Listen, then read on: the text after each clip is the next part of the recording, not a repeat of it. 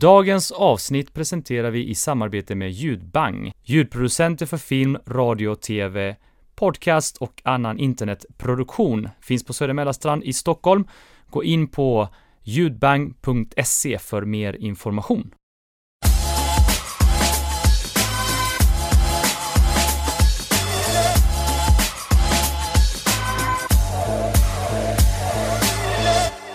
Välkomna till Sweaty Business med mig Norberto Lacorte. Och Brian Vandenbrink.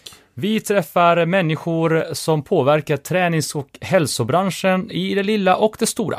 Vi tar helt enkelt reda på vad är grejen. Häng, Häng med! med!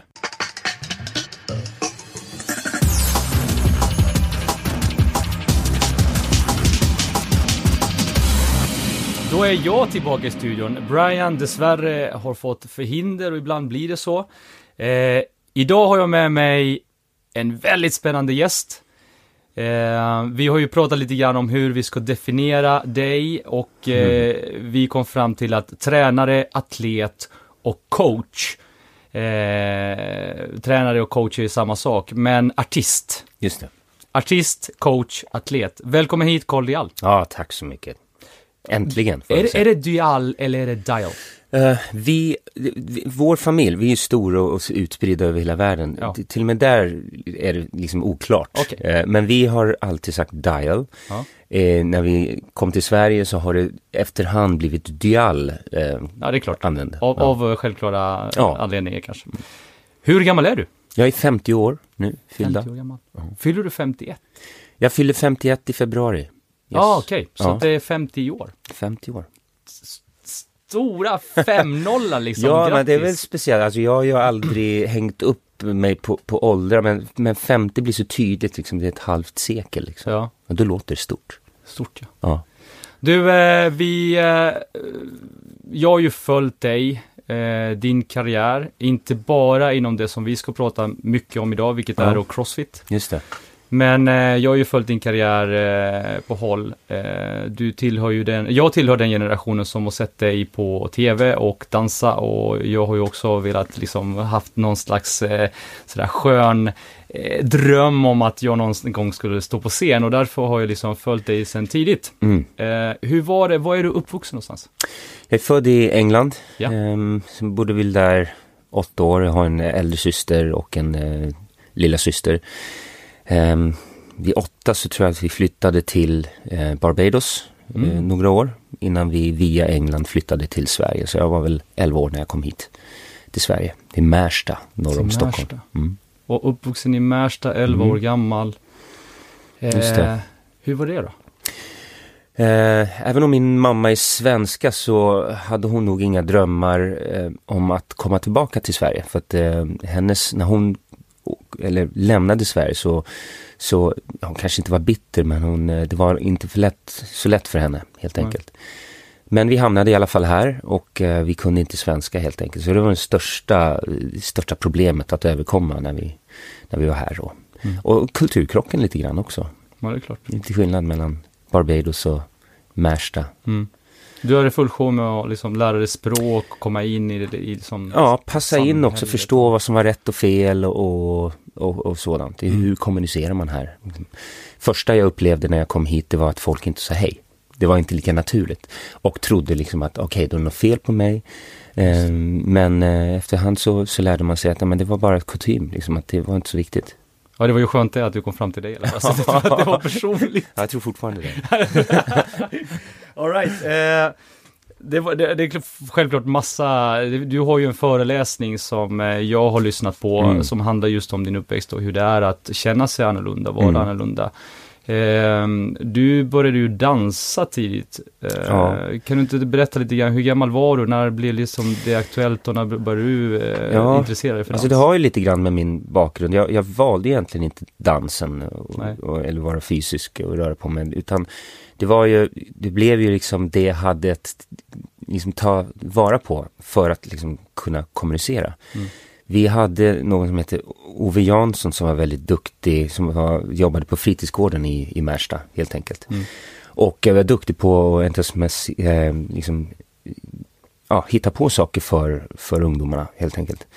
Så eh, han ville att man skulle DJa, han, han eh, uppmuntrade folk att liksom ha dansgrupper etc. etc. Rockplocket var någonting som så konserter för garageband och skolband och sånt. Um, och um, så det fanns ju liksom utrymme. Vi, vi hade så här ungdomsdiskotek och sådant. Och i och med att jag inte kunde språket men hade nära till dansen. Mm. Um, inte så att jag tidigt hade tänkt att det här ska jag satsa på utan Eh, det var naturligt att dansa i Barbados och det var okej okay för killar att göra det. Mm. Och därför hade jag en lite försprång liksom, när, det, när Michael Jackson kom, liksom, Just. dunkade ut Michael genom... Jackson. De har påverkat ja, ja. oss alla. Ja, ja. Och eh, ja, men då blev man ju accepterad. Liksom, wow, du kan göra en piruett, eh, du kan uh, shaka på röven liksom sådär. Och, och brudarna tyckte det var viktigt, eller bra, och jag tyckte att det var viktigt just då. Liksom. ja, ja, ja, men det är klart. Um, så, så det var ju så man, man blev en profil, någon som eh, bara att märkas var viktigt. Mm. För att man tyckte ju att man bara var en skugga. Man, men, det, men, men det var nära, för jag, du, du kommer från en musikalisk familj. Mm. Eh, så det var ju ändå nära till musiken. Och ja. Hur var det? var det? Var det ständig musik och rörelse i hemmet? Ja, det var det. Pappa är jazzmusiker, syrran eller sy, båda systrarna har ju gudabenådade röster. Mm. Um, jag var kanske inte lika fokuserad på sången men musiken fanns där så vi spelade allihopa, spelade instrument hemma, spelade tillsammans, sjöng en del, körade ihop och så mycket lek kring, kring musik och dans helt mm. enkelt. Och uh, uppmuntrad av pappa såklart. Så uh, det, ja, det var inte så svårt, så fort det var dans och musik på agendan i skolan så, så var man ju där. Det var ju där man kunde synas. Så. Mm. Uh, även med idrotten um, så var det ju basket först och främst. Eh, och basket hade jag spelat i Barbados. Eh, jag hade en, en granne som hette Steven som var lite äldre som blev lite mentor för mig. Han, han hjälpte oss att, att liksom trampa ner en, en åker bredvid där vi bodde. Och. Planen var ju inte plan. Så att Nej. bollen kunde ju studsa åt vilket håll som helst. Så det gjorde ju också att jag fick lite överläge när det gällde bollkontroll också mm. när jag kom till Sverige. Så att det, det dikterade lite grann eh, hur viktigt eh, mm. ja, det här är häftigt, för jag kan tänka mig att det här kanske är någonting som gick upp för dig när du gjorde lite bokslut hur det var i din barndom först när du kanske började träna andra. Mm. Och började inse att ah, men de där grejerna som jag gjorde när jag var barn, mm. det har förmodligen hjälpt mig senare i livet. Absolut, absolut. Inte bara det, det, det faktiska, alltså det praktiska, utan ur, ur, en social kontext också. Vad det betydde för att liksom samla ihop den här, de här gatubarnen mm. i, i, Barbados. Liksom mm. Hur viktigt det var och, och bara ha en samt tillhörighet. Hur känslan, jag menar Barbados uppenbarligen. Ja. bara, bara liksom, vi säger Barbados i Sverige så är det så här, alla drömmer sig bort till liksom stränder och ja, gött det... väder och tropisk värme och liksom allt det här. Ja. Och sen så till Sverige, vad var liksom ditt första intryck när du kom till Sverige? Det var ändå positivt för, för att man var nyfiken. Ja. Eh, mamma hade inte berättat så mycket om Sverige så att jag, jag var otroligt nyfiken på, på Sverige och, mm. och, man är oftast det, liksom my origin, var kom jag ifrån? Ja. Och det här var en stor del av mig. Um, så jag ville ju ta reda på det och um, sen var det otroligt fritt här. Så det, det fanns en, en, ett släktskap med Barbados, för där var det ganska bekymmersfritt. Här kunde man leka utan att ha liksom, översyn. Man kunde springa ut i skogen och bygga kojor, utan, i alla fall då, ute ja. i Märsta. Utan att någon var ja, övervägande liksom, orolig för vad som skulle hända. Mm. Um, så, så det var inte så svårt Nej. egentligen. Um, du hade lite av också, i och för sig, oavsett hur mycket din mamma pratade om Sverige eller inte, så har du ju precis som du sa, att ja. du är nyfiken på var sen, en del av dig kommer ifrån. Och, ja, verkligen. Sen var Märsta bra. Det var bra fart på Märsta när jag kom eh, i slutet av 70-talet och det var ju också en idrottsby eh, liksom eller stad, mm. liksom förort, eh, där mycket, alltså det fanns ju otroligt mycket sporter att, att välja på och eh, de låg verkligen i framkant. Hockeyn, fotbollen, eh, till och med schack liksom var en duktig, ja. liksom allting, basketen. Eh, och det fanns profiler och, och, och som, som eh, brann för det här så att eh, ja, det, det fanns att välja på. Ja, men det fanns ett bra, ett bra nät som fångade upp, tror jag, ungdomar på ett annat sätt i Sverige än vad det Ja. finns idag. Eh, och, Och det var lokalt förankrat. Det var inte liksom Exakt. stora föreningar som skulle, liksom, utan föräldrar var involverade. Liksom, ja, det var ett bra nätverk Ja. där alla kände sig delaktiga. De samlade, bara för att bygga Pinnbackshallen som det hette, Ja. det byggdes tack vare insamlade pengar som de gick omkring med, med kopp liksom på, på centrum. Så, Ja. så att folk kände att de var med på, på allt. Liksom, den här hallen, den var ju våran. Just det. Och så vidare. Känner Så det är jättefint. tillhörighet. Fritidsgården, dans Mm. fanns nära, musik fanns nära. När, när började liksom dans bli en grej för dig? När började det liksom, för att jag vet 80-talet, Ja. breakdance, eh, Ja. det var ju liksom någonstans där som i alla fall jag la märke till dig innan Ja. du började synas i media. Ja. Nej men Märsta var ju en idrottsstad sådär och, och fördomarna mot dansen var ju rätt tydliga. Mycket, kä- Liksom. mycket kärlek till Märsta nu känner jag. Ja men det är det, det är det. Det- varför inte? Ja, men det tycker jag är fantastiskt. ja, jag har mycket att tacka, mycket saker i, i Märsta. Inte bara polare, skola. Uh, Ove, Ove Jansson har ju liksom återkommit ofta när jag berättar om Mm. förtiden. Men um, Märsta, jag fastnade. Precis. Nej men, men dansen, det var ju hippt. det. Alltså det Mm. var, det var, ju, det var ju hippt plötsligt att Ja. dansa och det, det var ju rätt coolt att känna sig cool. Så.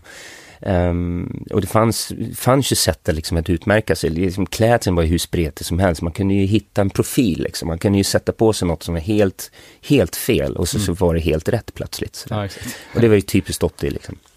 Ehm, så, så var det egentligen. Ehm, Mm. och sen när streetdansen kom, det var det ju ännu hippare liksom än, än discodansen. Sådär. Ehm, och alla mina idrottskompisar som sa att det var töntigt med dans, så sa men vänta nu, kan du volta? Kan du göra det? Det var fysiskt, så de kunde relatera till det här. Mm. Det var närmare idrotten än tidigare. Och det var väl det som gjorde att det, och sen min första lön såklart. Jag, min första lön på fritidsgården var en korv och en läsk liksom. Wow. Och då kände jag, Vad gjorde du, Wow, det här vad, ska jag vad satsa gjorde du då? Nej men det var, det var Ove Jansson som satt bakom eh, eh, i, i fiket där på, på fritidsgården och sa, "Ja, men du, jag har ju sett, du är ju slängd på det här med, med dansa. Vad säger du, ska vi inte köra en dansshow imorgon sådär? Ah, jag vet inte, du får en läsk och en korv. Självklart. det var lätt liksom. Ja men då förstod jag att det fanns något annat än bara, aha, liksom för min egen skull, utan det här kan, ju, kan ju vara någonting. Och till skillnad från, från Barbados där dans inte ses som ett yrke så, så, så var ju det en stor skillnad. I Sverige så fanns det ju ballettskolor, det fanns eh, scenskolor, det fanns, så att det började ju då gå upp för mig att jaha, men det här kan ju vara, kan ju vara en framtid i, i streeten liksom. Och, Var det det Så- som hände då? Att du, eh, du kom ju till Sverige i grundskolan Mm. eh, och sen så var det väl dags att börja gymnasiet där. Var det där du valde liksom väg att, att söka dig till? eh, ja, för att egentligen skulle jag bli ingenjör, hade jag tänkt. Mm. Ehm, Det tänkte vi alla. ja, eller hur? Läkare, ingenjör eller advokat. Ja, och jag var duktig i skolan. Jag sökte till, jag gick fyra, då hette det fyraårig teknisk och jag gick två år. Men samtidigt så hade jag en streetdance-karriär och vi blev ju över några veckor bara för att vi var sådana här early adopters. Mm. Så vart ju vi stjärnor, liksom underground, så var vi jättestora. Så vi fick turnéer innan vi fatt, fatt- fattade vad en turné var. Mm. Eh, och tjänade bra med pengar. Liksom, ehm, och hade inga utgifter hemma. Mamma, jag tror inte mamma förstod hur mycket pengar jag tjänade. Liksom. Så man levde i loppan och eh, ja, eh, det drog ganska mycket. Uppdragen blev större och större och så, blev det en konflikt mellan skola och, och business. Mm. Eh, och eh, danskarriären vann. Danskarriären vann. Just Ja, där det- i alla fall. Ja, Mm. det är du kanske tacksam för idag. Ja, ja, ja. Och, och tack vare det så eh, mötte jag ju, för jag hade ju släppt idrotten ett tag. Jag höll ju på med idrott fram till att jag var 16-17. Sen vart det studierna, dansen eh, höll jag kvar i. Och sen så turnerade jag, var med i en turné runt Sverige där Paul Dombia och Thomas Franzén, de var kanske eh, bland världens bästa kampsportare då. Mm. De var vakter på den här dansturnén som jag var på. Mm. Och ehm, de älskade att träna, jag älskade att träna och där så började jag också med taekwondo som blev då en, en seriös idrottssatsning från min sida då. Mm. Så jag började tävla i taekwondo och, och eh, täv, ja, träna och tävla och hade lite ansvar i klubben så småningom också. Ja. Shit, vad härligt. Ja. Men det låter på dig som att du var ganska disciplinerad ändå med det här med att du tog det på väldigt stort allvar. Alltså din, du, du upptäckte, eller du fattade Mm. tidigt att ska jag hålla på och dansa och göra det här Mm. till mitt yrke så måste jag hålla mig fysiskt stark. Ja, det, det, det var kanske inte så, så mycket disciplin utan det var mycket lust. Okej. Så, och sen så undrar jag, ja, men hur ska jag förverkliga det här? Så att absolut, det fanns ju, jag hade ju rannsakat, vad, vad behöver jag? Och för att vara så mångsidig och hålla, jag såg ju ganska tidigt att folk gick sönder och, jag förstod att ja, men, de är för svaga eller någonting liknande. Så förstod jag att man behöver träna, inte bara öva utan man behöver vara stark, man Mm. behöver vara mjuk. Så jag ville ju skapa en fysik som, som gav mig möjligheter. Mm. Ehm, så det förstod jag ganska tidigt. Och jag var ganska allround redan där ehm, på 80-talet. Eh, för att antingen så var man breakare eller så var man electric boogie eller så var man lockare. Men jag, jag försökte liksom flyta mellan de här olika disciplinerna. Fast forward då lite grann, Mm. för att du har ju varit med i uppsättningar som eh, de flesta, alltså de, svenska folket känner till. Vi har ju Flashdance, vi har Mm. Inte, det kanske inte är i kronologisk ordning, men Nej. vi har Flashdance, vi har eh, From Sammy With Love, Ja. vi har Fame. Singing in the Rain, Fame, Just det. som du har varit med i och figurerat både på teaterscenen, du Mm. har varit med liksom i tv och andra medier. Ja, Ehm, och det håller du på med väldigt länge, eller du håller ju fort, du är fortfarande aktiv. ja. Eh, men det hände ju någonting i ditt artistkarriär som gjorde att du hittade då det som många förknippade med idag, just det. vilket är då Crossfit. Kan Ja. inte du berätta lite grann hur, hur det där... Ja, det resan är många saker i mitt liv som jag faktiskt inte har valt. Precis som dansen och, Mm. och, och utan det har valt mig på grund av min, min livssituation. Sådär. Så till skillnad från många som har haft ett mål från, från, från början, det här ska jag bli. Det har jag också haft, men det har inte blivit så. Mm. Och det har inte varit dåligt, utan det är ju överraskande kul att att snubbla på saker ibland. Mm. Och även i, i det här fallet med Crossfit för mig. Mm.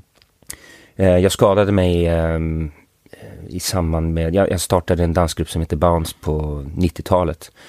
Och ehm, jag jobbade ju sju dagar i veckan.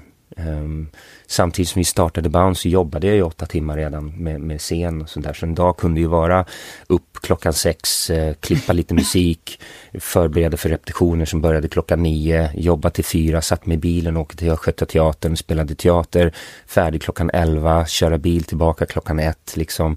Och sen så kommer man ju inte i säng direkt utan det, det handlar om liksom att, göra en utvärdering av dagen och sen så i säng. Så att jag kanske sov fyra, fem timmar Mm. eh, under en period av fem, sex månader sådär. Och då, eh, sista föreställningen eh, på Östgötateatern så gjorde sig diskbrocket liksom till känna så här, hej, som ett pistolskott Just i ryggen. Och då var det ju problem. Jag, jag kunde genomföra våra tre föreställningar som vi hade premiär på dagen efter vår sista föreställning Ja. på, av eh, Little Shop of Horrors. Eh, och sen var det slut. Det, det gick liksom inte. Det var alldeles för smärtsamt och jag hade nervpåverkningar som gjorde liksom att jag inte hade kontakt med benet så det vek sig. Och, ehm, det var tufft för att eh, om jag hade drömmar så var bounce en stor dröm för mig. Liksom att göra streetdansen liksom etablerad Mm. på de stora scenerna. Och jag hade lyckats med detta tillsammans med mina vänner i bounce. Och sen så får jag inte liksom leva drömmen. Nej. Så, så det, var, det var tufft. Eh, och inte bara fysiskt att inte, utan det var mentalt. Vem är jag nu? I och med att det här som vi pratade om, liksom att, eh, det, att vara fysisk var viktigt för min identitet. Så, så plötsligt hade jag inte tillgång till den. Så Mm. det, det var tufft. Och sen också vara familjefar till åtminstone två barn och sen ett, ett, ett kommande tredje barn också. När, när är det här? I- Det här hur är länge sedan är 90, 98. detta? Det är ganska länge sedan. Ja, så det är snart 20 år sedan nu. Wow. Eh, och då var det slut med dansen. Jag förstod det. Det, det tog inte lång tid innan jag fattade att jag, för att jag försökte ju eh, Mm. komma tillbaka och det, det gick inte. Det var så jag fick bakslag på bakslag. Jag började bli opolitlig. Eh, folk vågade inte ta i mig heller. Nej, då, då fattade jag liksom att okej, nu, nu är det slut. Hur var känslan inom det? Alltså, eh, var, var det de- deprimerande? Det blev en depression till slut. Sådär. Först, var det, först var det uppgivenhet och en frustration som efterhand eh, växte ut och blev en, en ganska tung depression. Mm. Ehm, som ställde till det för både familj och vänner och, och, och mig själv. Vad, vad, vad hände då mellan 98 där och sen så framåt? Ja, Hur- hur ganska din- diffust i början. Jag Ja. har inte så många bra, bra minnen. Eh, antingen har man förträngt det eller så, så Ja, det har det inte varit intressant att komma ihåg. Liksom. Mm. Så att jag, jag får verkligen gräva för att, ja just ja, det och det hände. Och det är ganska tråkigt med tanke på att eh, några av de största sakerna i mitt liv hände då, liksom just med, med barnen. Man var Mm. inte så eh, behjälplig med, med dem i början. Så, ehm, så först handlade det om rehab. Liksom när, när jag först accepterade då att okej, jag kunde inte komma tillbaka. Det var faktiskt det viktigaste första steget. Mm. Eh, för att man blir sjuk av längtan ofta. Liksom, att jag, jag kan bara vara lycklig om jag kan göra detta. Eller, Det är klart. Men men eh, när jag backade och eh, släppte ambitionen och, förstod och fick ett, ett, ett värde i att bara vara någon som kan lyssna. Någon, eh, att göra disken, att bädda sängen, att hämta från dagis. Och förstod att det här var viktigt också. Och, och ärbart också. Så ja, men då började jag liksom kunna ta lite kliv tillbaka i, och, och känna att jag hade ett, ett, eh, ett purpose. Mm. Ehm, och givetvis mycket av min tid handlar om rehab. Ja. Att, att eh, komma underfund med smärta, få tillbaks rörelseapparaten. Så det var träning, träning, träning. Sen, ehm, Men då var det inte så mycket jobb under den tiden kan jag tänka mig, eller? nej, det var, jag var ju sj- sjukskriven. Eller en Mm. stor del var jag inte sjukskriven heller. Så att eh, jag var utanför försäkringssystemet. Som, Ja. som också ytterligare blev, att det blev jättejobbigt. Alltså det var ju kronofogde och ja, de utmätte hemmet och alltså det var det rock bottom verkligen. Inte bara mentalt utan ekonomiskt och, Mm. och mycket fysiskt. Jag tror att det är många, alltså inte bara musikalartister men alltså Mm. artister överlag som kanske har upplevt liknande situationer i samband med att man kanske blir sjuk och så vidare. För att ofta så är man ju Ja. inte knuten till de här Ja. säkerhetsnäten som finns. Ja, absolut. Och det, är- det är mitt verktyg. Det är, det, är, det är som är min business och så Ja. har du inte tillgång till den. Och sen eh, var jag enda jag kunde, trodde jag, och, Mm. då. Så att eh, det är ett stort, eh, stort kliv liksom att, att eh, någonting att övervinna, att komma Mm. tillbaka. Men jag tror, för att det, när, när vi hör din historia Ja. och eh, framförallt vi som har hållit på med crossfit och som har Mm. följt dig. ehm, så är det ju lätt att tro att, ja men crossfit räddade dig. Ja, Hur, hur, det hur låter ju ballt liksom. Ja men exakt, men hur, hur upplevde du det? Ehm, var egentligen på sätt och vis träning, eh, inte per se crossfit, men crossfit konfronterade mig med saker som var viktigt för min återhämtning Ja. såklart. Men det började att jag började träna brasiliansk jiu-jitsu med en, en väldigt god vän till mig. Han var elev till mig på den här taekwondo-klubben. Okej. Eh, Kenta Hammarström som har prana jiu-jitsu. Och ehm, det funkade, jag, jag hade ju svårt att stå och gå.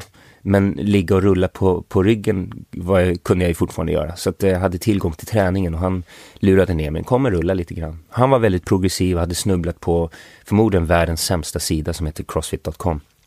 Där det fanns jättemärkliga eh, workouts som de postade. Klockan två svensk tid på, morgonen varje gång. Så att man satt ju upp och undrade vad som skulle posta liksom. Och det ena var mer galnare än det andra. Det var tungt och det var jättesvåra. Och så var det en kombination av gymnastik, kunde vara ofta löpning och tyngdlyftning. Mm. Eh, och jag har liksom aldrig sett den kombinationen. Alltså cirkelpass hade jag gjort så här, men det här var ju något helt annat. Mm.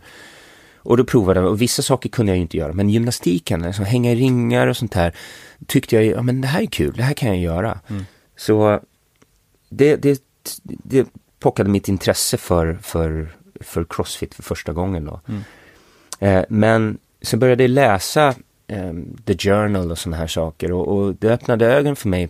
Eh, för att förut hade jag tränat för, för prestation. Liksom. Mm. Jag skulle snurra flest varv, jag skulle hoppa högst, jag skulle göra de här sakerna. Men nu var ju mitt perspektiv att, att må bra. Det var ju hälsa i första hand och, och tillgång till rörelseapparaten igen. Jag ska bara, The Journal, det är ju det, på crossfit.com-sidan, där kunde man alltså få tillgång till Tack. ett magasin kan man säga. Ja, Där det fanns både, både rörligt material, Mm. Eh, numera finns det även eh, podcastliknande ja eh, artiklar också, men det var ju mycket, mycket artiklar med bilder och så vidare. Jag ville bara säga det ifall Ja. någon som lyssnar och inte Mm. vet vad det är för någonting. Och det vart en, en eh, plattform eller ett rum där många progressiva personer kom in och sa vad de tyckte egentligen. Mm. Som, som eh, eller så utmanade gängse liksom, uppfattning om fitness. Så där. Vare sig det var rätt eller fel Mm. så, så började liksom, aha, liksom, kan det vara så? Så att det, det var nyttigt för mig. Så jag började träna detta, folk såg liksom att wow, du, det händer ju saker. Mm. Och egentligen var det ren styrketräning som var kanske det som, som hjälpte mig med mina ben och liksom få den funktionen igen. Eh, backsquats, liksom, Ja. klassiska övningar. Det är inte crossfit, liksom, utan det är och eh, jag började få tillbaka styrkan i vänster ben, få tillbaks eh, volymen. Eh, jag har fortfarande ingen känsel på vissa ställen och reflexerna kanske inte var de var när jag var 20 sådär, men jag, nu kan jag göra saker utan att behöva tänka lyft, sätt ner, lyft, sätt ner. Mm. F- folk hakade på, vi vart fem, vi vart tio, vi vart 20. Jag höll på på Friskis och Svettis sådär och det blev nästan en verksamhet i verksamheten. Vi förstod ganska snart att nej, men, nu måste vi hitta en lokal. Vi hyrde in oss på en dansskola, vi blev 30-40 ehm, och sen så, ja, vi, vi måste ha en egen När är lokal. det här? Ja, kan säga 2008, 2009, alltså 2005 så konfronterade Kenta Hammarström mig med Ja. de här märkliga övningarna. Tidigt för att vara i Sverige. Tidigt för att vara i Sverige. Eller tidigt överlag. Tidigt För- för- överlag egentligen. För att eh, Crossfit började expandera ungefär i den här tiden. Mm. eh, internationellt också, även i USA. Eh, Men, men jag tog det inte seriöst då, utan det var bara något, någon kul galen grej. Mm. Sådär, ja. Men eh, 2009 då var det en, eh, en balettdansare som, som också var eh, klä, vad säger man, bergsklättrare, Mm. sådär, som, som eh, var tidig. Som, jag tror det fanns någon, jag tror han var med på första SM där han var tvungen att sticka efter halva tävlingen. Ja, då ledde han liksom för att han skulle på bröllop. Så seriöst var det på den tiden. Ehm, vi hakade på varandra för att vi var ju några artister som, som hade hittat här med Crossfit. Så att Mm. vi blev den här första, våran lilla grupp som sedan expanderade. Ehm, och det var otroligt inspirerande, man peppade varandra, det handlade väldigt mycket om community. Ytterligare en, en, anledning varför jag kunde liksom kliva ut ifrån, jag har ju mer eller mindre isolerat mig själv när jag Mm. inte hade tillgång till, till kroppen. Men bara få, få, få se fram emot någonting var viktigt. Men vi såg fram emot de här postade eh, passen, så vi körde Ja. mycket från den här hemsidan då. Och postade våra resultat och jämförde med folk eh, världen över och så. Ehm, Skön nivå. Ja, men det var så, så man, charmigt. eh? Och så vill man ju någonstans att det ska, nu har det ju blivit så otroligt eh, vetenskapligt och, Lätt att bli Eh, nostalgisk och tillbaka till hur ja. det var då liksom. men jag håller gärna kvar i, Mm. i det där. Det ska, varför inte ha det kul och eh, samtidigt. När, eh, det här, vi snackar ju 2005 någonting sånt där. Ja. När, när börjar liksom det bli på mer allvar och ni funderade på 2000 Solid som ja, du är med och driver idag? 2009 Mm. tror jag. Då fanns det några klubbar, några få klubbar ehm, i Stockholm, eller i, i Sverige. Vi hade Malmö, Kalmar hade väl funnits, Norrtälje, MK i Falun. Mm. Eh, sen hade vi Martin Altemark i Uppsala. Det var de vi kände till. Mm. Så. Eh, I Stockholm hade du Crossfit Stockholm som höll till här vid Ah, Slussen. Det. Eh, och sen Det som eh, heter Nexus idag. som heter är- Nexus idag. Alvik? yes. Nej, inte Alvik, men i Bromma Bromma-hållet. där. Mm. Så, så, men, men eh, vi var inte så intresserade av att ansluta oss till de här tidiga klubbarna egentligen. Utan vi, vi höll ju på med vår egen programmering så vi, vi ville ha öppet gym och det, det fanns inte så mycket tillgänglighet Ah, för det. okej. Så att vi tränade i parker, Mm. eh, träffades i, i Rålis liksom, eller hemma hos varandra och hittade på eh, woddar för dagen. Liksom. Kul. Det, var jätteroligt. Och det försöker vi göra fortfarande emellanåt, eh, Mm. samma grupp. Och man tog vad man hade helt enkelt. Ja. Man tog vad man har. Vilket eh, var otroligt eh, inspirerande och kreativt. Så, som har eh, hjälpt mig väldigt mycket i, i, i dagens, liksom nu när man programmerar pass sådär, eller Mm. om man får uppdrag så, okej vad har ni, hur ser det ut, hur många är ni? Så, så Mm. kan man vara ganska snabb för att, att hitta på någonting som kan vara adekvat. Men parallellt med det här Mm. då, jag menar du, du hittade Crossfit, och, eller Crossfit hittade dig, så kan man Okej. väl säga. eh, parallellt till det här, började du som sagt komma tillbaka då Mm. till, till ditt parallella, din parallella karriär som artist? Ja, I samband med det här det var fortfarande inget mål utan det, plötsligt blir det ju så här att men nu kan jag göra det här? Mm. Och det började med att jag fortsatte ju sjung och jag kunde skådespela, men sen så kom det, ja men skulle du kunna hoppa lite här och göra det här? Och då började jag snart märka att jag, jag funkar ju faktiskt. Mm. Och då började jag ju hitta tillbaks till dansen och få mer dansuppdrag. Och nu är det ju ingen skillnad på sång, dans och, och liksom skådespelaruppdragen, utan det är ju lite liksom en tredjedel av allting, Ja. mer eller mindre. Och det är ju en otrolig glädje såklart. Och ett av de största jobben som jag har gjort har ju kommit på senare tid. Man brukar ju tänka liksom att det går åt andra hållet. Ja, precis. nästan- Framförallt inom dansscenen och sång Ja. kanske. Om man bara håller på med sång så kan man ju hålla under längre, längre tid Ja. så. Men dans, där brukar man säga att man är slut när man är 35. Ja. Men jag gillar ju att vara fysisk så jag har ju bara, är bara tacksam Ja. jag kan hålla på. Och jag, jag inser ju, många brukar säga age is nothing but a number. Det stämmer till viss del, Mm. men vi vet ju att kropparna förändras. Så att jag måste ju ta hänsyn till förändringarna. Det behöver inte vara en alibi för att jag ska lägga av däremot. Men eh, snarare att jag måste vara ännu mer uppfinningsrik. Tro, och, tror du att det är så? Tror du att det är så att vi på något sätt i det här äh, vi lever lite grann som slavar under samhällsnormerna. mm, Med det vill jag säga att du sa någonting där, alltså, att det ska vara ett alibi för att man ska liksom stanna av, lägga av, Mm. sluta vara fysiskt aktiv. För att det, det, ur samhällsperspektiv så ses det ändå som att okej. mm. Det är okej att du trappar av lite när du liksom har blivit 40 plus. Man får ju ofta höra det. Man är ju inte 20 längre. Eller Och, hur? Jaha, men varför säger du det? Liksom, jo, men absolut, men det finns andra vägar. Mm. Liksom, då får jag väl gå den här vägen istället och, och så vidare. För jag har hört mig själv säga det ibland och Mm. det, jag tror att det är någonting som jag måste tänka mig för. Att, Mm. ja, men du vet att jag är gammal nu, vet du. Jag är en Mm. gammal gubbe. Och jag så här, det blir ju en sanning, det blir en vald sanning för en själv. Ja, Eh, samtidigt som man går in i det här, ja men normen Mm. säger ju faktiskt det. det är okej, men jag, jag, jag har inget svar på detta, utan jag resonerar bara så att det, det måste ju finnas en balans. För att visst, jag är äldre, vilket innebär att förutsättningarna har förändrats. Men en förutsättning är inte en begränsning Nej. alltid, utan det finns bara en annan väg att gå. Mm. Eh, Ja men det, det, det är ju en härlig och, och, och väldigt sund livssyn tycker jag. ja, Jag tycker att det är bättre att säga så här, ja, jag är 40, men jag kan fortfarande spöa många 25-åringar i mycket saker. Då, då vill jag lyfta lite extra. Ja, men inte bara det. Det kan vara inspirerande. Jag, jag tror, nu vet jag inte, det är kanske min vilda fantasi, men jag tror att det är många i, i, i klubben där jag tränar som har varit inspirerade av att, shit, han kan, han kan hoppa och studsa och det, det måste inte vara högst och, och vackrast sådär. Men om de eh, kämpar med det så ser de att det är möjligt så. Mm. Och även de som är elitatleter, liksom att men det är inte slut efter 25. Nej. Och precis, att, och det är ju så här, Crossfit, eh, ni startade Solid. Mm. ehm, 2009, 2010. Precis, ja. och det är du tillsammans med två kollegor som startade, som vi Mm. förstår det va? Vilka är det? Eh, precis, det är, kolleg- fast det är artistkollegor till Ja. mig. Joakim Bergström som är en av eh, världens bästa jazzsångare. Och sen har du René Mirro som är min andra vapendragare där Mm. vi gör mycket saker ihop. Också dansare, sångare, artist. Eh, och vi har egentligen gjort det för att förlänga våra yrkesverksamma liv eller, och ge oss möjligheter att göra saker så. Eh, men nu har ju Solid blivit eh, en plats för alla.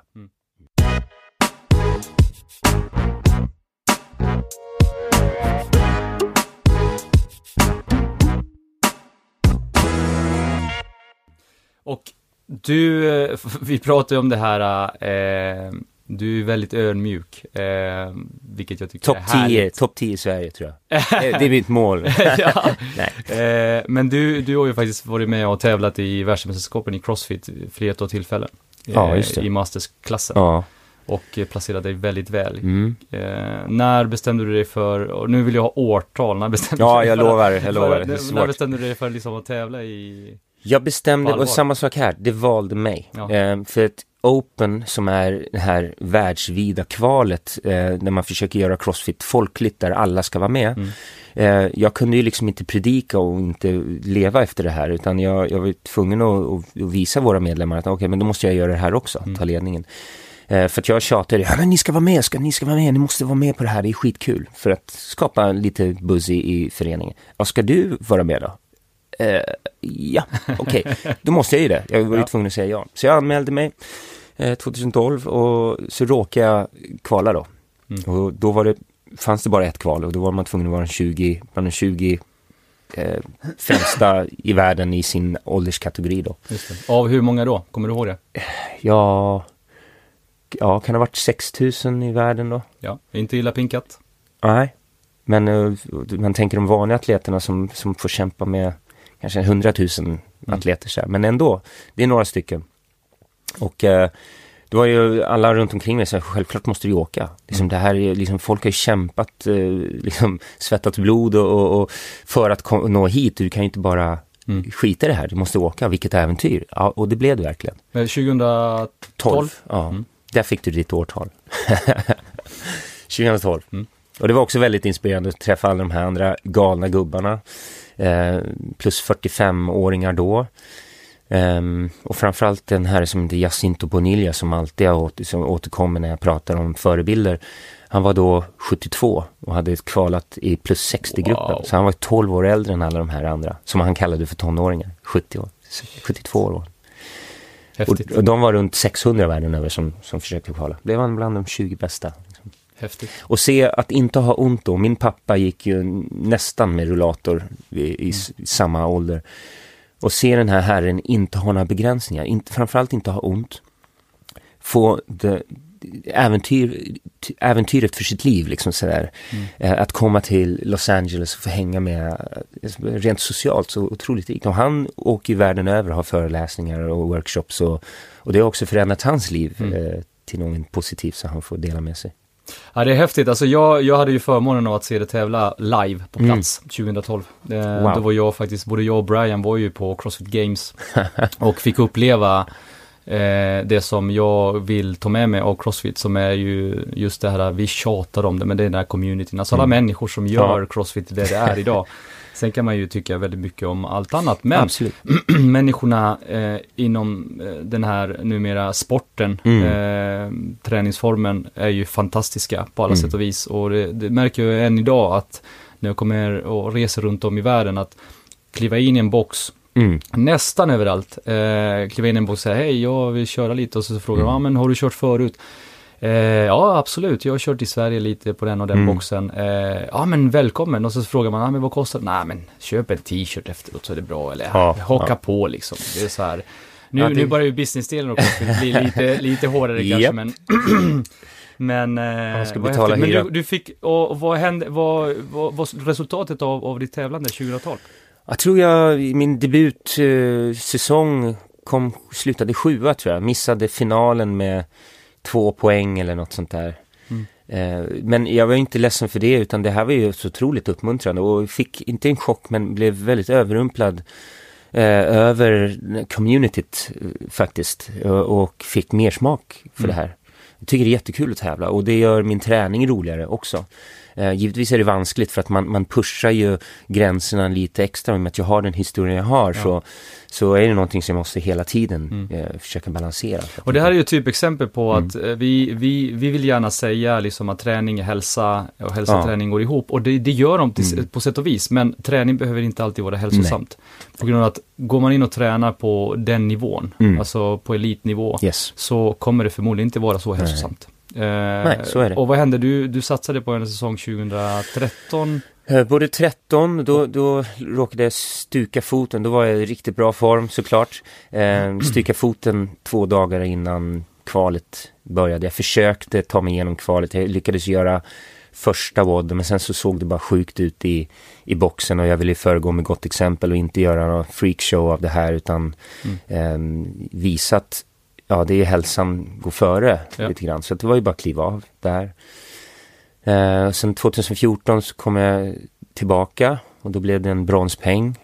Mm. Ehm, och ehm, ja, första eventet var marklyft och det med, med den historien av diskbrock och, och höftfraktur och sånt där så var det kanske inte det jag önskade men slutet med jag vann det första eventet vilket var en surprise för mig. När du kliver fram på podiet Ja, och ska lyfta mm. rätt så tungt alltså. ja, för mig i alla fall tungt. Ja. Ja. Hur mycket var det? Vid kilo? Det blev 225 till slut. Ja, liksom. det, det, det, en one det rate max är det ju, ja, men sen du har ju 20 sekunder på dig liksom, det, det Ja, går fort liksom. Men, men tanken, slog det i tanken dig någonsin att shit, det här kan faktiskt skada mig riktigt allvarligt, eller är det bara in och kör? Ja, om jag, om jag ska vara ärlig så liksom, när- jag var orolig när de annonserade eventen. Ja. Så. så att jag förstod att här måste jag vara försiktig, såg till att jag hade det bästa skärpet som gick att ha. Och eh, tänkte väl liksom att nu måste, nu måste jag vara försiktig när jag går Ja. in. Sen efter första lyftet så är det borta. ja. Utan då är det bara adrenalin. Och jag minns, jag, det var ju fullt där på läktaren, jag vet Ja. om du satt där. Och Ja, ja. jag kände liksom, shit, jag kan välta, jag kan välta den här, eh, ja, läktaren till och med. Ja. Sådär. Så att, Då försvinner ju allt Ja. det här för, eller, säga, säkerhetstänket. ja, ja. Och Alltså sen så- säkerhetstänk finns utifrån att du vet hur du ska lyfta på Ja. ett effektivt och säkert sätt, men Ja, och sen någonstans så, så när man gör ett marklyft så, så får man inte man kan inte vara för alltså man måste tända till Ja. för, för att det ska vara tryggt och säkert också. Ja.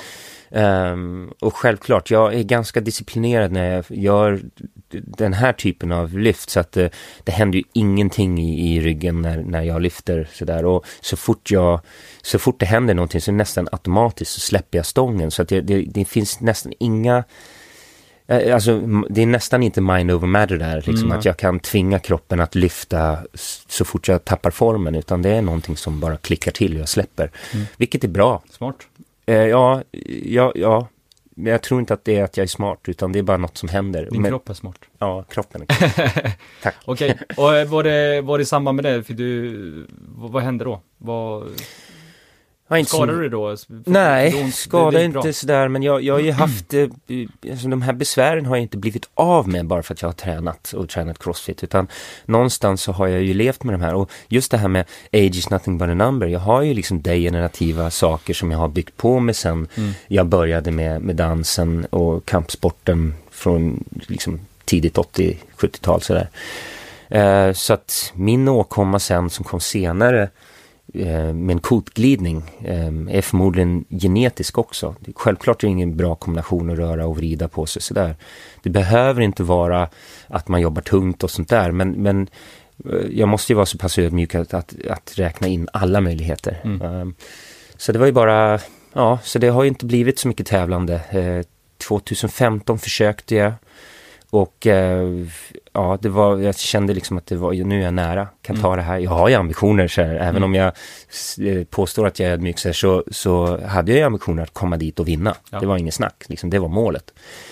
Ehm, men sen började göra fruktansvärt ont jag, jag kunde liksom inte få upp en medicinboll från backen, nådde inte ner liksom. Mm. Och det var ett eventen i wallballs, eh, vet inte om alla är eh, bekanta med övningen men det är en medicinboll som man skjuter på ett, en target, en måltavla lite längre upp. Och eh, Typ tre dryga meter. Ja, eh, svårigheten var att trycka ner mig i en, eh, en, en knäböjsposition. Inte Ja. liksom att skjuta bollen uppåt, utan jag kom inte ner. Och så var jag tvungen att rulla upp bollen för knät liksom för att, för att komma i startposition. Mm. Så det, nej, det var ju bara sjukt. Jag var tvungen att kasta in handduken och hade sonen också i, i läktaren och kände liksom det här igen då, det här är ingen bra, ingen bra bild som jag ger sådär utan Live to lift another day Ja. hette det då.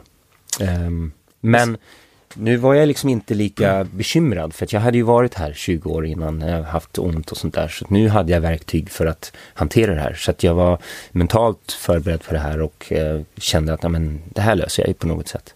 Fantastiskt. Fyra månader. Ja, och nu har jag, jag har ju opererat mig för fyra månader sedan och Mm. sitter här och har oförskämt inte ont. Skönt. Ja, Vad är det du har gjort? En stel... eh, Steloperation steloperation i, L4, L3 för de som vet vad det är. Ja. långt ner. Eh, långt Ja, upp det, egentligen. det är långt upp. Ja, i- det är i- ganska ovanligt. Det brukar vara så långt ner det går Ja, egentligen. precis. Ehm, så det, det är intressant och nu är jag nästan i full träning igen och jag vågar knappt tro att det är sant sådär. Och, och jag vill ju poängtera att jag är ju fortfarande i en läkeprocess, så det är Mm. fortfarande i rehab och, och så, men eh, ja.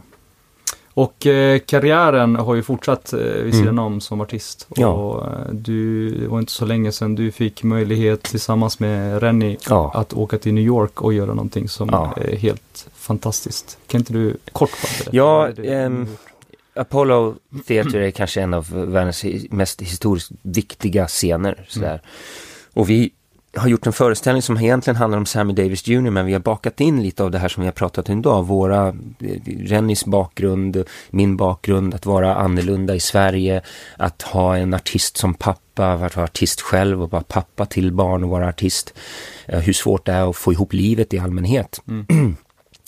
Och eh, vi börjar på lilla scenen på Stadsteatern och det blir jättesuccé och vi tänker att vi hoppas det kommer någon. Eh, och sen så blir det Klara scen som är väl mellanscenen på Sto- Stockholms stadsteater. Och det fortsätter och, och sen är det stora scenen, sen är det parkteaterturné och sen är det Sverige-turné och sen så får vi avsluta då i New York. Så att det är, det är en, en dream come true. Um, Eh, Inte bara, min, min far gick bort eh, för fem månader sedan också. Och ehm, det här var ju en, en av hans drömmar, att få se mig uppträda Ja, i New häftigt. York. Och läkarna säger att, eh, avråder honom från att åka. Vi skiter ju dessutom i, i detta för att vi förstår att, eh, ja, det, det är vår sista chans kanske. Ja. Så han åker med dit. Han har inte sett sin familj på 30-40 år. Alla dyker upp. Liksom, vi har 40-50 pers. Och liksom samma sak på, min, på, på Rennys sida. Hans farmor eh, är 92 år. Liksom, så att, så det, vi, förstår att det här är också eh, one, liksom, en chans i livet. Så, där. så att det, det är ju mer eller mindre en, en fam, familjereunion. Så där med hundra pers liksom som sitter i. Och för dem att se våran historia då um, uppspela. Ah, på, kolla. På, ja, Jag får, jag får, jag får, rys- Dance, jag det får blir ju stort liksom. gåshud alltså. Ja. Det är- Shit, Så, vilken äh, grej. Känsloladdat att stå på scen Ja. och, inte, och inte bara det att det är er föreställning och ni kommer till en sån ikonisk plats. Mm. Ja. För det är ju verkligen det. Har ni inte koll på Apollo Theater så tycker jag att alla ska googla på det. Så Mm. De har koll på vilka artister som har stått på den scenen. Men, men, eh, alltså på det, liksom, all den här historik med din pappa Ja, och det är för stort att och omfamna släkten, nästan, Alltså, alltså. det är Det blir för stort och, och det var, var, otroligt svårt för oss att komma igång på den här föreställningen. Så men när vi väl kom igång och, och kommer in i det här eh, liksom, ja, ni vet när man blir ett med allt, liksom, tid och rum försvinner. Det är där man vill vara, där det bara rullar av sig själv. Det, det, det var underbart. Och sen efteråt när man är, är färdig och sen blir tillbaka, blir Kalle igen och bara fattar vad har vi, vad har vi gjort för någonting, vad är vi med om och stående ovationer och både från där och sen Cypress och, ja, det har ju blivit större än vad vi, vi, vi hade drömt om och förstått och hoppats på. Så, och jag lever ju fortfarande i, i efterklangen av det där. häftigt. Sådär, ja. Mycket Superhäftigt. häftigt. Mm. Du, eh, vi brukar ju alltid ställa frågor till våra gäster. Ja. Vad, vad gästerna har för, för träningsfilosofi själva. Jag tycker att det är väldigt eh, uppenbart nu när vi har Mm. pratat med dig ett tag. Men, eh, eller när jag har pratat med dig. Jag pratar om eh, vi, men Ja, men det är bra, Brian det är vi. tyvärr inte här. eh, vad heter det? Kort, hur ser du på träning idag? Jag menar, vi har ju fått Mm. följa din historia nu. Eh, vi vet att crossfit är en stor del av ditt Ja. liv. Eh, jag tror att vi har fått en bra bild också av vad du tycker crossfit eh, är, var, Mm. varför Ja. du tycker att det är så bra. Men, men nu och framåt, träningsfilosofi, vad är liksom det viktigaste för dig just nu? Ja, träningsfilosofi, alltså träning är ju rätt eh, märkligt egentligen. Alltså jag tror i en perfekt värld så skulle vi få den stimuli vi behöver för att fungera bra. Mm. Men nu sitter vi åtta timmar om dagen och så Mm. vidare. Så att vi, vi behöver träningen. Träningen är ju simulerat arbete för mig. Mm. Men, men om man nördar in sig så kan man ju börja göra nyttiga saker. Så, så för mig är träningen möjliggör eh, mina drömmar. Det är egentligen det. Mm. Och, det, och det är det som är liksom någonstans det du har med dig varje gång du Ja. är fysiskt aktiv. Ja, är, Sen älskar jag att röra på mig och sen finns det, vi kan prata om liksom vilka fördelar träningen har. Ja. Och den är, för mig är den självklar men det, det är fortfarande lusten som driver mig. Så att, att, att, ehm, den, att jag får påslag på dopamin och serotonin, liksom de här må bra-hormonerna, Mm. det är egentligen inte det, är inte det som är primärt för mig. Jag skulle kunna, om jag tyckte träning var tråkig, Mm. så kanske det var ett säljargument, liksom, Ja, varför jag ska träna. Men jag behöver inte det för att jag, jag tycker det är kul att, att röra på mig. Men sen varför jag tränar, det är för att det hjälper mig att, ja, dansa. Mm. Egentligen. Fasiken vad häftigt. Men eh, vi har ju pratat om allt mellan Mm. himmel och jord. Eh, vi har ju tagit upp det här med Crossfit, att Crossfit valde dig. Mm. Eh, vi har pratat om Crossfit community och så vidare. Ja. Människorna. Mm. Community är ju diffus, men det är ju människorna. Ja, men Som det, det, har gjort möjligt för mig att träffa människor på, Precis. på ett sätt, en, runt en gemensam sak eh, som är också otroligt värdefullt såklart. Ja, vi har pratat om att eh, liksom vara lite nostalgiska, gå Jaha. tillbaka till det som, Yeah. där det började en gång i tiden, Ja. för att det här har ju vuxit enormt mycket. Back Crossfit har ju blivit liksom en, en, en industri Mm. eh, som omsätter eh, miljontals eh, kronor Ja. varje år.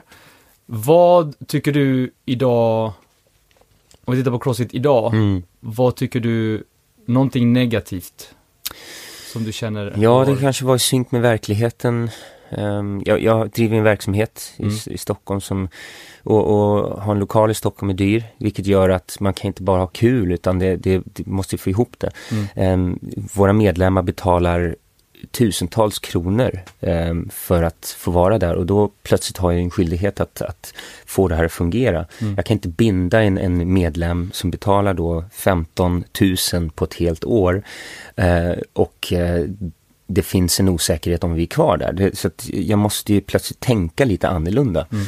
Eh, det ska vara ett friskt företag helt Mm. enkelt. Och då måste jag ju, då räcker det inte med bara ha några medlemmar och några coacher och sen så slänga ut pass på tavlan utan nu måste jag ju verkligen försöka möta medlemmarnas behov. Jag måste ha en tydlig produkt och jag kanske måste hitta saker runt omkring, jobba mot företag, eh, måste jobba med hälsa så att jag har terapeuter och det är också en inkomstkälla där jag kan hyra ut. Plötsligt så är, är det någonting helt annat där det inte längre är bara liksom, ja, men köp en t-shirt så kan du träna gratis. Mm. Så det, men, men också negativt att, eh, precis, du sa att crossfiten hade hittat mig, så att, vad, vad är det egentligen jag gör? Ja, men jag gör push-ups, jag gör eh, gymnastiska rörelser hit och dit. Det är ju liksom ingenting som Mm. crossfit äger.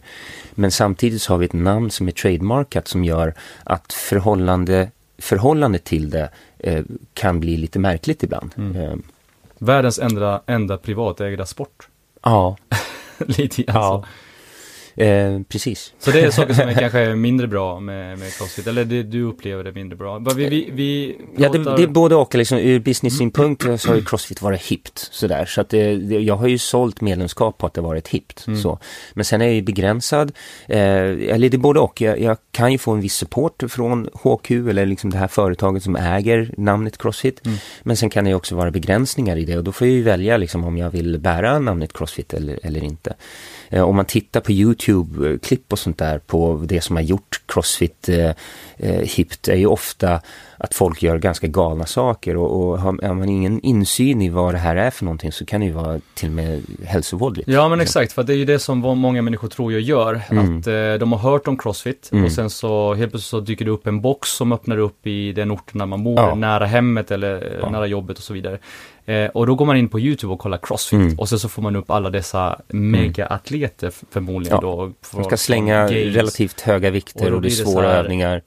Holy Ja. crap, nej det här vet jag inte och så är tröskeln helt plötsligt mycket, mycket högre Ja, för att komma in och, och prova och de ser ju inte det här Nej, de skulle behöva se min mamma som är 72 Eller som hur? tränar crossfit. Liksom. Mm. De skulle behöva titta det. Och hur man kan anpassa träningen för, för allihopa. Det pratas ju ofta om skalningar och substitut i, i Ja. crossfit.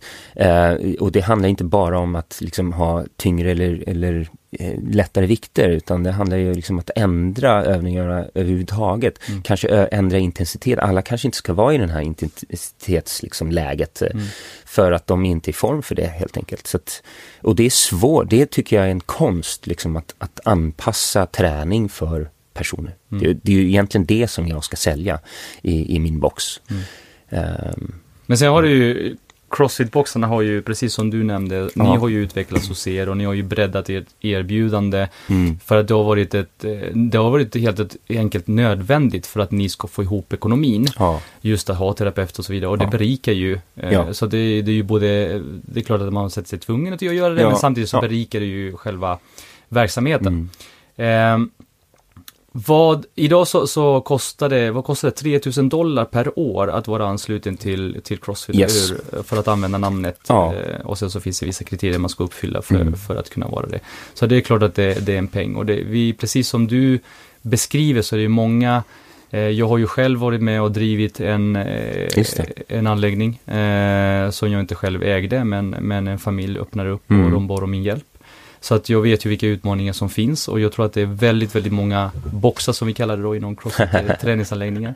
Som, som eh, har svårigheter med att få ihop ekonomin. För att mm. det är ju så det ser ut. Det är många som tycker att men det här är en kul grej, det är klart vi ska öppna en box. Och sen mm. så är, är tröskeln för att öppna en box kanske lite lägre än vad det är för att öppna ett ja. vanligt, inom situationstecken, gym. Eftersom det kanske inte behövs lika mycket mm. investering, man behöver mindre lokal. Mm det är färre antal medlemmar och så vidare. Vad idag tror du, är det någonting som du skulle kunna tipsa om att fundera på för att liksom slippa de här största bekymren med, med det ekonomiska bygget? Ja, alltså många startar ju verksamheter utifrån lust sådär och, och det kan ju skälpa mer än det hjälper. Mm. Ehm, så man måste ju hantera det som, som en business helt enkelt. Och um, det, det, är ju, alltså folk är duktiga på det här. Det går att studera det här, det går att plugga, det går att, att hitta information om hur man kan bli en duktig företagare. Eh, och de flesta är dåliga företag. Mm. Jag var helt värdelös. Som tur är så hade jag folk runt omkring mig som hade kompetens. Skulle jag kört det här själv så hade, hade det inte funnits någon solid idag. Um, så, och, och Crossfit Hockey, man kan säga vad man vill om det, liksom själva konceptet och, och hur man paketerar träning. Det, det, är kanske det som man säljer då, men um, um, däremot så, så, vad tänkte jag säga nu?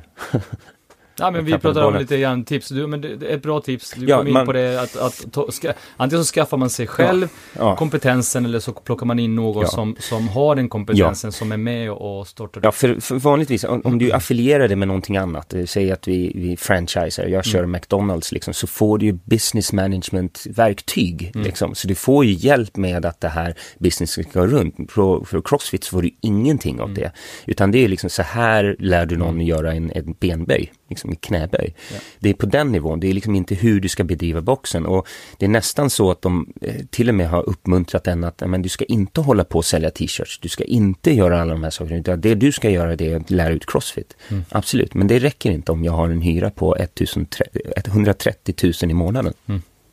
Liksom. Exakt. Så är det. Ja men bra.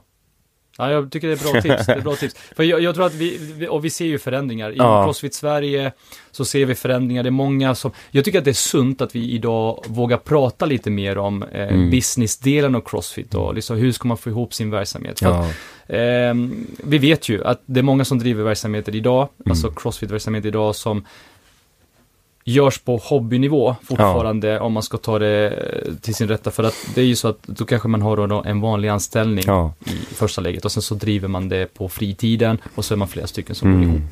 Eh, så att det är, det är en mognadsprocess och, vi, och därav kommer vi också se att crossfit förändras. Det är ju jättemånga ja. som har crossfit men som erbjuder en massa andra saker, som har vissa mm. inriktningar. Vissa riktar in sig mer på barn, andra riktar in sig mer på på liksom att alla som kommer in ska bli screenade och mm. liksom känna, alltså finns det några svagheter ja. i kroppen som vi måste träna på först innan vi går på de här riktigt avancerade tunga grejerna. Så att alla skaffar sig sina mm. egna identiteter inom liksom ramen Ja, visst, våran nivå är ju liksom att eh, folk gillar att träna crossfit. Så hur, hur, gör, hur kan vi få det här bestående liksom? Hur kan vi jobba på retention, liksom att det här håller i längden? Mm. Jo, men då måste vi bygga eh, och hjälpa folk att bli starka så att de tål träningen sådär. Och det här går ju att liksom lägga på precis, ja men jag vill hålla på med fotboll, ja ja men det här har vi en gemensam nämnare, här bygger vi, här skapar vi förutsättningar för att du ska kunna göra det du drömmer om. Mm. Jag gör ju det för att jag ska kunna dansa. Mm. Eh, och sen gillar jag crossfit också, så att, men många kommer ner för att, ja men jag, jag gillar crossfit, jag skiter i hälsa och allt sånt där. Jo, jo, men för att han eller hon ska vara lycklig så är det mitt uppdrag att se till att de sköter sin mobilitet, de sköter sin Exakt. kost, de sköter liksom, och kanske till och med får lite tips om liksom, ja, du måste sova också. Mm. Så, mm. Vart är vi på väg? Alltså, vi har ju sett, eh, marknaden har sett ut så här, Crossfit fick ju en exponentiell kurva uppåt ja. i, i liksom, och vi snackar ju eh, ända långt tillbaka till 2005, 2007, mm. egentligen började det hända lite mer saker och egentligen så upplevde jag som att det var någonstans runt 2011 som Crossfit blev mer liksom känt för allmänheten ja. i Sverige. Det var i alla fall allt det började. Och nu har det liksom planat av. Mm. Eh, vart ser du att vi är på väg? Vad, vad, vad säger framtiden för Crossfit? Ja, det händer ju väldigt mycket saker. Ehm, Marcus Roos som är en, en pionjär också i Sverige som, som har MK Falun. Eh, de ehm, blev ju tillfrågade av det här internationella Functional Fitness-federationen. Så nu har det ju skapats en svensk sådan, så man försöker liksom frigöra sporten Mm. från att det ska ägas av någon. Så att det, det är en tillgång. Det, eh, och det kan ju skapa en hel del möjligheter. Dels att det kan bli en olympisk gren så småningom. För det, det kommer ju aldrig hända så länge det ägs av, av någon. Det finns för mycket... Och det är Greg Glassman som äger. Mm, 100%. Precis, och, och tävlingsformen är ju någon annan som äger, så det är Mm. också företagande. Ehm, så det, det är intressant att se vad det tar vägen. Och här nu i, i, i början av oktober så skickas det faktiskt ett första svenska lands, ett svenskt landslag för att tävla i detta. Men det, det är idrottsdelen, så om vi pratar hälsa eller liksom eh, träning i allmänhet, folk som tränar för, för hälsans skull eller för, för att de tycker det är kul, så kommer det också att eh, vi ser ju redan många som är crossfit-inspirerade men som hittar sin egen väg eller variant av detta. Mm. Antingen att, och alla tror ju vi att vi förädlar. Jag menar vi, vi har ett koncept på, cross, på Crossfit Solid som kanske inte är samma som på Nordic. Men vi har ju en otrolig respekt för Nordic. De väljer ju att dra det ett, åt ett håll på grund av liksom deras ideal och vi gör det på vårat håll. Så att det utvecklas väldigt mycket sätt att, att liksom förhålla sig till eh, funktionell träning om man vill kalla det för det. Mm. Så functional fitness kommer bli mer den eh, idrottsgrenen. Ja, om, om vi anamnar det ordet då. Mm. Sådär, det, det Var, så. var kan man hitta information om eh, de som lyssnar på den här podden? Var hittar man information om just den eh, liksom? Mm, eh, det finns en eh, hemsida som heter SV3F och eh, likaså en Facebookgrupp. SV3F. Ja, Men tria? Eller Ja, faktiskt. Ja. Mm. SV3F. Mm. Mm. Bra. Ja men kul, det kommer att utvecklas, det är vi helt övertygade om. Eh, och vi har ju massa butikgym som, vi, vi har ju pratat jättemycket om det här i, i den här podden. ja. Butikgym som dyker upp, Barry's Bootcamp och, Just ja, och så just vidare. Eh, Orange Theory Fitness som finns i Vilket är USA. fantastiskt, tänk eh, som mångfald Ja. så. eh, Och infallsvinklar på hur man kan göra fitness liksom. Ja, och jag tycker att det är väldigt sunt utifrån den aspekten att det dyker upp så många olika eh, varianter av det, Mm. vilket också utmanar det här eh, gamla sättet att tänka på Mm. hur faktiskt man gör affärer, Mm. hur man tar betalt, det vill säga affärsmodeller och så vidare. Ja. Och där tror jag faktiskt Crossfit kan lära sig väldigt mycket av. Det är jag övertygad om. Eh, För att eh, idag helt plötsligt så är man beredd att betala upp till 400 kronor om inte mer för ett pass. Eh, vilket då man tror att det var helt omöjligt bara för några år sedan. Ja. Eh, vad Verkligen. händer för dig framöver? Ja, mycket rehab nu. ehm, eh, Det är ju föreställningar såklart. Ehm, Vilken föreställning är det som är aktuell just nu? Jag koreograferar en musikal om ehm, Ingrid Bergman. Mm. Så, och sen så fyller eh, Leonard Bernstein 100 år nästa år så det blir en hel del sådana saker Mm. kring, eh, han, han skapade West Side Story bland annat och, Mm. men nu ska vi göra On the Town, en musikal som heter. Och sen är det ju Games nästa år. Games nästa år. Ja, Så du, du satsar, det Ja. är Games nästa år. Ja. Det är din satsning. Mm. Shit vad härligt. ja jätteroligt. Vi skulle kunna prata hur länge som helst. Du Eller ska hur? få stå upp för jag vet att det, det, det inte, jag tycker inte heller om att sitta för länge. Men eh, om du skulle vilja lyssna på någon i den här podden, vem skulle du vilja lyssna på? Ja, alltså eh, om jag bara ska ta någon spontan då. Ja. Eh, och det är för att jag tränar med henne. Jag fick eh, åka och se henne tävla på Games i år. Ja. Eh, och så har jag respekt för, i och med att jag är gift med en fantastisk kvinna som, som eh, och som, som ja, vi har ju tre barn då. Hon, eh, Helena Falk är det jag pratar om. Gamesatlet, hon har eh, också tävlat för Crossfit Solids team i, i Games två gånger. Men hon är också entreprenör Mm. och hon är tvåbarnsmor. Vilket jag tycker är otroligt intressant och jag tror många skulle behöva höra hur hon får ihop det. Och vad är det som driver henne? Ja, Jättebra tips. Ja. Hur bra tips som helst. det är det. Hörru, tusen tack för att du var med. Ja, grymt! Yay! Nära att få vara här. High five.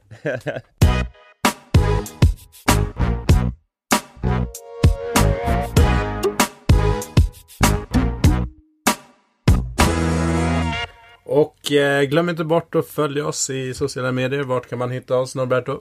Man kan hitta oss på Facebook, Instagram, eh, Sweaty Business, Sweaty Business Pod, YouTube. Sweaty Business. Och sen kan ni också mejla på sweatybusinesspodd med ett d at gmail.com.